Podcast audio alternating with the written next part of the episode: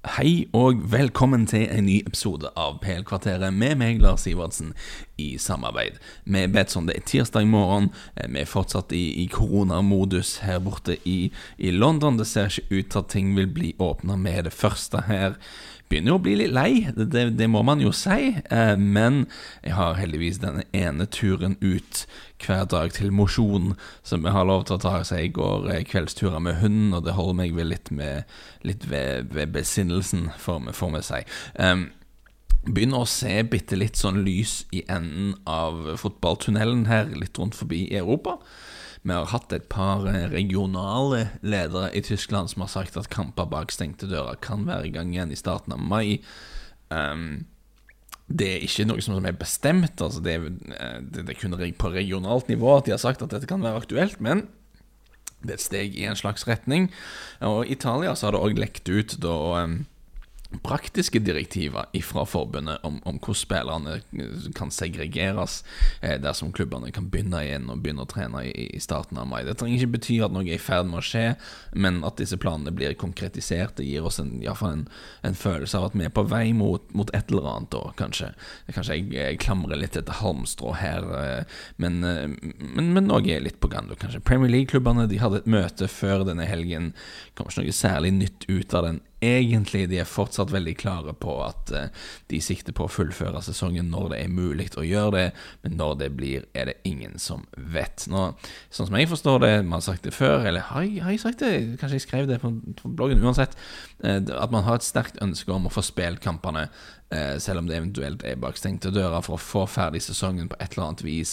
Eh, det har mye med TV-penger å gjøre. Eh, det er en viss fare, sånn som det er nå, med at klubbene faktisk må betale tilbake masse TV-penger fordi de har fått utbetalt TV-penger for kamper som jo ikke blir spilt og ikke blir vist på TV. Litt ille for klubbene rent økonomisk, så det vil de jo selvfølgelig unngå. Håper jeg at man vil få spilt sannsynligvis da bak Sannsynligvis og nesten definitivt bak stengte dører, men for å få spilt en eller annen form for fotball på et eller annet tidspunkt. Eh, men igjen, det er ingen reelle nyheter om når det vil skje. Men jeg har sett fotball likevel. Eh, jeg har sett en kamp som, eh, som, jeg har lyst til å snakke om, fordi han var på TV. Og jeg satt meg ned og så, og jeg syntes det var litt kjekt. Men når jeg ba om forslag til kamper vi kan se på og snakke om her på podden, så kom det inn Det var noen som ville se Bull, altså da Liverpools gullhåp døde på Selhurst Park i 2014. Eh, det var noen som ville se Det var noen som foreslo eh, kampen mot Chelsea samme år, da Gerard datt. Eh, så jeg lurer jo litt på om dette er da, om det er masochistiske Liverpool-fans, eller om det er andre med veldig sånn velutvikla sans for skadefryd som, som, nominerer disse kampene. Det, det, er jeg litt usikker på. Men vet du hva, det gikk en Liverpool-kamp fra den sesongen på TV her i England, iallfall nettopp. Eh, i, i, reprise på Sky. Da. Og, og, det var når Liverpool slo Manchester City den 13. april på Anfield med bare et par kamper igjen av sesongen. En dag der det så veldig veldig ut som om Liverpool skulle vinne serien. Og jeg har faktisk heller lyst til å snakke om det eh, enn om fadesen, da, for jeg har tenkt litt på dette her. Um, dette var egentlig et veldig kult fotballag, for å si det rett ut. Eh, jeg, jeg, forstår hvorfor alle husker den sesongen og den sesongavslutningen, først og fremst fordi Steven Gerrard datt. Eh, det var jo så veldig veldig tragikomisk. Eh, han sa, han sa 'this doesn't slip', og så datt han. Fotballgudene var i, i lunefullt hjørne. De, de, de, de, satt oppe i himmelen der og rørte rundt i gryta og, og, og, lagde hekkene. Men jeg, jeg syns likevel at dette var et veldig artig fotballag som, som kanskje fortjener å huskes for litt mer enn av Steven Gerrard-datter. Kanskje jeg er litt enkel. Men jeg har lyst, til å snakke først om, om om kontroll, om konseptet kontroll. Eh, fordi de fleste topptrenerne er enige i, i, den moderne fotballen om det er viktig å ha kontroll på kamper. Selv om de mener litt forskjellige ting med det. Eh, fotball er en sport der det skåres relativt få mål. Eh, det vil si at eh, om du er laget som har de beste spillerne, så er du fortsatt litt sårbar for tilfeldigheter. Du har langpasninger og dødballer, ballen spretter litt hit og dit, og merkelige ting kan skje. Ehm, jeg tror det er Jørgen Klopp som har sagt noe som at fotballen er den sporten der det minst gode laget har best mulighet for å få et resultat. Og jeg tror det ligger noe der. og jeg tror det kanskje derfor vi er så glad i den idretten, for at det skjer en del rare ting. Men um, Uansett, dersom du er en av disse litt rikere klubbene, da, du har de beste spillerne individuelt, og du har lyst til å prøve å liksom forhindre at du blir et offer for disse tilfeldighetene, at du taper poeng og taper pokaler pga. uhell og baller som spretter rundt forbi og sånn, hva gjør du? Vel, eh, du kan prøve på en eller annen måte å ta flest mulig av disse tilfeldighetene ut av kampen eh, ved å utøve mest mulig kontroll over det som skjer på banen. Kontroll. Eh, det er også da grunntanken i f.eks. det Pep Guardiola holder på med. Eh, det er en tankegang som går helt tilbake til Johan Cruyff, som jo sa at eh, du, du, har en ball, og dersom motstanderen dersom du har ballen, så kanskje motstanderen skårer. Det er helt logisk. Eh, så ved å ha ballen veldig veldig lenge, så kan du utøve en veldig stor grad av kontroll over det som foregår, og du er ikke fullt så sårbar for sånn tilfeldig ballsprett rundt forbi. Nå, Rent sånn taktisk så kan vi jo si at Guardiola sin rake motsetning i moderne fotball er José Mourinho, og han er òg på sin måte opptatt av, av, kontroll, selv om hans tanke er jo da at eh, du kan kontrollere en kamp og en motstander ved å kontrollere soner på banen, ved å kontrollere territoriet fremfor, ballen, eh, fremfor ballen i seg sjøl. Så det vi ofte ser med Mourinho-lag, eh, er at de er nokså komfortable med å sitte dypt selvfølgelig og la motstander ha en del av ballen. De ønsker ikke å kontrollere ting ved å ha ballen hele tiden. De ønsker å kontrollere ting ved å kontrollere territoriet. Eh, og Mourinho har sagt det selv. Han sa at eh, mange tror at et lag som har ballbesittelse, er mer dominant, men det kommer an på hvordan du ser det. Et lag uten ball kan fortsatt ha kontroll. For noen trenere så handler ballbesittende fotball mer om PR og image. Selvfølgelig litt typisk Mourinho eh, alltid liksom like opptatt av å disse motstandere, alltid like opptatt av fiender en, en kan selv holde på med, sånn som laget hans jo ofte ser ut. Men poenget er at mye av grunntanken hans faktisk går på mye av det samme. da Han har bare en helt annen inngang eh, til det. Du kan jo si til meg at Jørgen Klopp da og denne gegenpressing-greia som, som, er blitt ganske populært etter høye press. Og handler litt om kontroll, for at du, det kan bli litt ute og kjøre fotball, men du kontrollerer på en måte motstanderen litt ved å ikke la en eh, motstander bygge opp angrep på sine premisser. Så det å havne òg på en måte om å, om å, utøve en viss grad av kontroll av det som foregår. Uansett, grunnen til at jeg sier alt dette her, det er en veldig lang, eh, langdryg måte å komme til poenget mitt, og det er at Brennan Rogers sitt Liverpool-lag i 2013-2014-sesongen eh, var en veldig uvanlig tittelutfordrer i England, fordi de hadde omtrent ikke kontroll på noe som helst. Eh, dette var et lag som var, var kontinuerlig av hengslene, altså. Eh, selv i kamper der de spilte bra, så visste, de, visste du at du bare, de bare plutselig og uten forvarsel eh, kunne på, finne på å slippe inn to-tre mål, bare. De, de, hadde ikke kontroll på noe som helst nivå. Offensivt, fabelaktig lag. De skårte 101 mål den sesongen. Premier League-rekorden er 106, så de var godt etter rekordsifra der. Men de slapp òg inn 50 mål. Det er ikke normalt å se et lag kjempe om seriegull når de slipper inn 50 mål. Det, det, er bare ikke sånn det pleier å være. Eh, City i fjor slapp inn 23 mål. City i forrige fjor slapp inn 27. Altså, det, det er mer normalt å se at laget helt i toppen slipper inn sånn 30-35 mål, kanskje, pluss-minus. Altså 50 altså, Samme sesongen, da, 2013-2014, så Hull City de slapp inn 53 mål. De havna på 16.-plass. Eh, Middlesbrough et par år seinere rykka ned med 53 baklengs. Eh, så kjempe om seriegull eh, helt til nesten siste serierunde, selv om du slipper inn 50 mål. Det er veldig, veldig spesielt. Men, men grunnen til at de kunne gjøre det, var jo selvfølgelig at Det hadde selvfølgelig med angrepsrekke å gjøre, men, men du må jo òg se altså forsvaret Liverpool hadde den sesongen. Det var jo ikke så bra. I akkurat denne kampen mot City Uh, fireren bak var Glenn Johnson på høyre bekk, Mamadou Sako, Martin Skartel i midten og John Flanagan på venstre bekk. Dette er ikke ei backrekker som skal kjempe om seriegull, altså det må være fair å si. Uh, Johnson på sitt beste var bra. Sako var alltid litt fjasete. Skørtel var grei, men kom an. Og, og, Flanagan, ja, ærlig arbeidskar som gjorde så godt han kunne, og sånne ting. Og det hjelper jo ikke sånn voldsomt at du har Simon Mignolet bak de heller, så det, det var ikke så stødig, den backfireren. Men grunnen til at det gikk, var jo selvfølgelig hva som skjedde lenger framover på banen. Og da hadde du jo aller først og fremst Luis Suárez, som i den 2013-2014-sesongen Han var bare på en helt annen planet, altså. Um, og det er en interessant bakhistorie der, for at han, han prøvde jo sitt aller beste å komme seg ut av klubben den sommeren. Eh, han gikk ut i media allerede i mai og sa at han ville vekk, han hadde ikke lyst til å være der. Og du hadde hele balladen med Arsenal, og det finnes to forskjellige variasjoner der. Dick Law, eh, som var ansvarlig for sånne ting hos Arsenal, han har sagt i etterkant at eh, de hadde informasjon på at Suárez hadde noe i kontrakten sin om at dersom det kom et bud på over 40 millioner pund, så var de påplikta til å diskutere det, iallfall. Eh, at de ikke bare kunne avfeie det. Eh, så det Dick Law sier, at Arsenal var klar over at det ikke var noen sånne frigjøringsklausul, sånn, det var ikke noen krav om at de måtte selge hvis de la inn et bud på over 40 millioner pund. Det var mer en sånn forhandlingstaktikk for å tvinge de til å diskutere ting. Eh, John Henry, Liverpool-sneier, eh, han har sagt i etterkant at Suárez hadde en klausul i kontrakten på da 40 millioner pund, eh, men at de rett og slett bare bestemte seg for å ignorere det. At så John Henry har jo sin bakgrunn fra amerikansk idrett, blant annet. Der har de et lukka system faktisk mer innsyn når det gjelder kontrakter og sånne ting, og litt mer orden på, på ting. Eh, og Han har sagt før at han fikk litt sånn sjokk da han kjøpte en fotballklubb og så hvor vill vest det var på overgangsmarkedet og kontrakter og sånne ting. Og det han da kom fram til, eh, var at han bare bestemte seg for å ignorere budet, da, sier han. Altså, kan jeg sitere han her, han sier What we found is that contracts don't seem to mean a lot in England, actually in world football. og at han sa videre at since apparently these contracts don't seem to hold, we took the position that we're just not selling. Eh, så Suárez endte opp med å bli værende. Eh, litt spesielt opplegg. Eh, og, og da finnes det jo veldig mange eksempler på spillere som har, eh, har lagt ned en ganske daff innsats etter å bli tvunget til å bli værende i klubben de er i. Men med Suárez ble det jo noe helt annet. Han var, han var suspendert i starten av sesongen òg. For at han hadde bitt Branislav Ivanovic. Og det er sånn, Du glemmer hvor fullstendig galen han fyren der var. Eh, og er fortsatt. Han er jo ikke død eller noe, men han, er, virker, han virker ikke så gal nå lenger. Men, men, men han hadde bitt Ivanovic, da. Han ville, ha litt serbisk biff der, han, han var suspendert i starten. Så han var egentlig sur. Han ville egentlig vekk. Han var egentlig suspendert.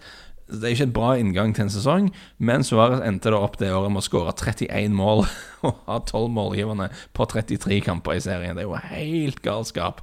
Det er en av de villeste individuelle sesongene vi har sett i PL. Punktum, altså. Um, det har jo vært sånn i fotballen de siste ti årene at uh, du har liksom Messi og Ronaldo som er liksom på sitt eget nivå, og uh, i den rekkefølgen, forresten. Messi og så Ronaldo. Uh, og så, og så, men så er resten liksom et godt stykke bak, liksom. Det er alltid når vi gjør de der Jeg har vært vært veldig heldig og fått gjort et par sånne topp 50-lister for Josimar. Og da av og til så er man litt hipster og, og, og, og setter Ronaldo ned noen plasser, men, men jevnt over så er det liksom Ja, det er de to, og så hva, hva er det resten, og det er der debatten er. Men det skal jeg si at i, i Premier League da så vil jeg jo si at det er Suárez den sesongen der som vel har vært nærmest eh, i denne perioden å, være, å være, høre hjemme i samme Du kan ta han med i samme diskusjon som deg, iallfall. For det han holdt på med den sesongen, var helt, helt vilt. Og det var ikke bare han, dette her laget. Du hadde Daniel Sturridge som faktisk bare kun, sesong, kun to sesonger i karrieren til Daniel Sturridge, der han var frisk og, og spilte stort sett hele sesongen. Det, det, er synd, men sånn er det. Eh, rekorden hans eh, var starta 28 seriekamper. Det var for Chelsea et par år tidligere. Her starta han eh, 26 eh, seriekamper denne sesongen. Og, og, de to er de eneste sesongene i hele karrieren til Daniel Sturridge der han har starta mer enn 11 seriekamper. Det, det, er jo helt vanvittig. Kun to ganger i hele karrieren sin To sesonger i hele karrieren starta han mer enn elleve seriekamper. Det er galskap. Men altså, fyren altså, han hadde beina kjeks, og igjen har fortsatt beina kjeks. Han er ikke død. Har eh, beina kjeks, muskulatur og spindelvev. Altså, det er ikke så mye du kan gjøre med. Men uansett, her var han frisk hele sesongen. Skåret 21 mål, syv målgivende. Det var jo den store gjennombruddssesongen til Raheem Sterling. Uh, som han spilte en del sesongen før og sett bra ut. Det var liksom det året han virkelig etablerte seg da, som en av de mest spennende spillerne i England. Og det var jo den siste sesongen der vi virkelig så det beste av Steven Gerrard. 13 mål og 13 målgivende i serien, tror jeg. Og han kunne fortsatt løpe en del. Hadde begynt å miste fysikken litt, men kunne fortsatt løpe en del. Og, og var veldig, veldig god. Så du hadde en miks der. Nede med, med, med Suárez, som var en helt sånn ustoppelig galning. Ikke helt stødig, men iallfall ikke mulig å ha, å ha noe med å gjøre. Uh, Sturridge, som klarte å holde seg frisk, og han har jo alltid vært en utrolig begava avslutter, Daniel Sturridge. Uh, du hadde en unge, uredde, uforutsigbare Raheem Sterling, uh, og du hadde den siste, siste gode sesongen til, til kaptein Fantastic i midten der òg. Og, og, og Philip Coutinho bør man nevne, selvfølgelig. fortsatt litt ustabil, men begynte å vise glimt Begynte å vise glimt den sesongen at det virkelig bodde en superstjerne gjerne der. Så det er en hekkende bra offensiv rekke du har der. Og da, da ender du opp med et lag som skårer 101 mål og slipper inn 50. sånn er det bare. Du har en manager der i Brandon Rogers som var jo veldig på det her Tikki Taka-kjøret når han tok over Liverpool, etter å ha liksom lagt en sånn miniversjon av Barcelona nede i Wales med Swansea, og, og Joe Allen skulle bli den nye Chavi, og det skulle være Death by Football og all verdens løgne greier. Eh, men det virker jo som at eh, Rogers bare sånn gradvis oppdaga at eh, dette Liverpool-laget var faktisk mye farligere når de angrep raskt på overganger, når de bare gikk på det, da. Så Den sesongen så var Manchester City, Arsenal, Swansea og Southampton eh, hadde alle mer ballbesittelse i Premier League enn Liverpool, selv om Liverpool nesten vant. Um, Southampton forresten coacha av en Miss hvis Maurizio Pochettino hadde mest ballbesittelse av alle i Premier League, selv om de kom på åttendeplass. Litt spesielt. Men Liverpool hadde, uh, de hadde gitt opp balltrilling. Og uh, Rogers ville liksom Han var mer åpen for at nå skal vi gønne på å bruke det tempoet de hadde på overganger, og det funka selvfølgelig bra. Når, når Suárez, Sterling og Sturridge liksom kom galopperende i den sesongen der, så var det bare du får, du må, Det var ikke greit å være motstander. Du får bare uh, låse låven og gjemme deg i septiktanken eller noe sånt. Det er, ikke, det er ikke godt å forsvare seg imot i det hele tatt. Uh, de spilte veldig mange morsomme fotballkamper, og det var en sånn sesong der Jeg husker at Liverpool liksom bare Byen våkna til liv. Det var, det, var, det var, kaos, det var folkeliv i gatene før kamp. Folk begynte virkelig å tro på at dette laget var på gang, tro på at klubben kunne oppnå noe igjen. Eh, så, så jeg syns det er litt trist. Eh, dersom det har blitt sånn at det eneste vi skal huske fra dette laget, er at, er at Steven Gerrard eh, snofla litt sklei og sånn. Jeg, jeg syns det, det, er en spillergruppe som, som, fortjener litt mer, egentlig. Og for selve kampen, da, når de møtte Manchester City, det var en enorm atmosfære på Anfield. Alle følte at dette var det siste store hinderet eh, før, eh, før, de kunne vinne seriegull. Viste seg at fotballgudene hadde andre planer der, selvfølgelig, men det, det, er ikke lett å se for seg hvor stemningen var. Det var òg en markering før kampen på at det var 25 år siden Hillsborough. Eh, det ga litt ekstra sånn patos til hele opplegget, eh, så du kan tenke deg at det var intens og heftig atmosfære på Anfield. Eh, og Liverpool skårer etter seks minutter. Raheem Sterling. Eh, og første gang du ser dette målet så, så, legger du kanskje ikke merke til det målgivende pasningen. Det ser ikke sånn veldig spektakulært ut. Men hvis du ser på reprisen Du har Stuares, da, eh, som vinner Han vinner ballen, og han vinner den først med å liksom holde Martin Demichelis unna. Martin Demichelis ganske stor og sterk fyr eh, holder han unna. Og så bare setter han hofta til å sende Gleil Klisjy på en liten flytur der han er. Eh, og så ser han åpning for tredje gjennom Stirling. Og du ser liksom in både intensiteten og fighterviljen til Suárez. Eh, på sin beste var han jo skikkelig robust fysisk, selv om han ikke er en sånn stor fyr, egentlig. Eh, og pasningen perfekt. Stirling kommer på løp, og istedenfor å skyte med en gang, da, som jeg tror veldig mange spillere hadde gjort, eh, så vender han opp og sender både Joe Hart og Company er det vel, ut på tur. Utrolig balanse, kjølig hode. Jeg hadde helt glemt det målet her sånn jeg så det, så jeg satt og lo i sofaen. Det, er ganske nice. Det er Frekt gjort av, av, av Stirling eh, der han er. Eh, og, og, du får etter hvert òg 2-0 til Liverpool etter 26 minutter. Så Martin Skirtle header inn en fin corner fra Steven Gerrard. Men utover i kampen Dette var sånn jeg så Den ting du glemmer. Mye rare dommeravgjørelser i denne kampen her, altså. Uh, City blir snytt for en ganske klar straffe etter 32 minutter. En helt vill takling fra Mamadou Sako. Veldig utypisk Mamadou Sako. Uh, og plutselig sette inn sånne tøysete taklinger, liksom. Det er liksom ikke det du forventer fra han. Uh, men, etter, men da, de burde jo ha hatt straffe, men de fikk ikke det. Etter 52 minutter så burde Luis Suárez vært utvist. Han fikk et tidlig gult kort i kampen, like etter pause. Ganske åpenbar filming eh, som han slipper unna med. Litt flaks for Liverpool der, må du si, og litt typisk for Suárez den sesongen. At han spiller som et uvær, men det er jo òg mye hekkan med han. Eh, og en ting um, men en ting du legger merke til da med dette laget, da, var hvor utrolig fyrt opp de var. Jeg så litt på tallene. Eh, Coutinho Gjennom karrieren sin da, så har han ligget på rundt sånn én takling i snitt per kamp, cirka, der omkring. Og det, det, er greit, for han er jo ikke noe defensivt drivjern, det er ikke det han gjør. Det, det er ikke noen skam i det. Men i denne kampen her, da, de, de spiller mot City. Eh, de har liksom, de har vunnet masse kamper, de har skikkelig momentum. Mercyside koker.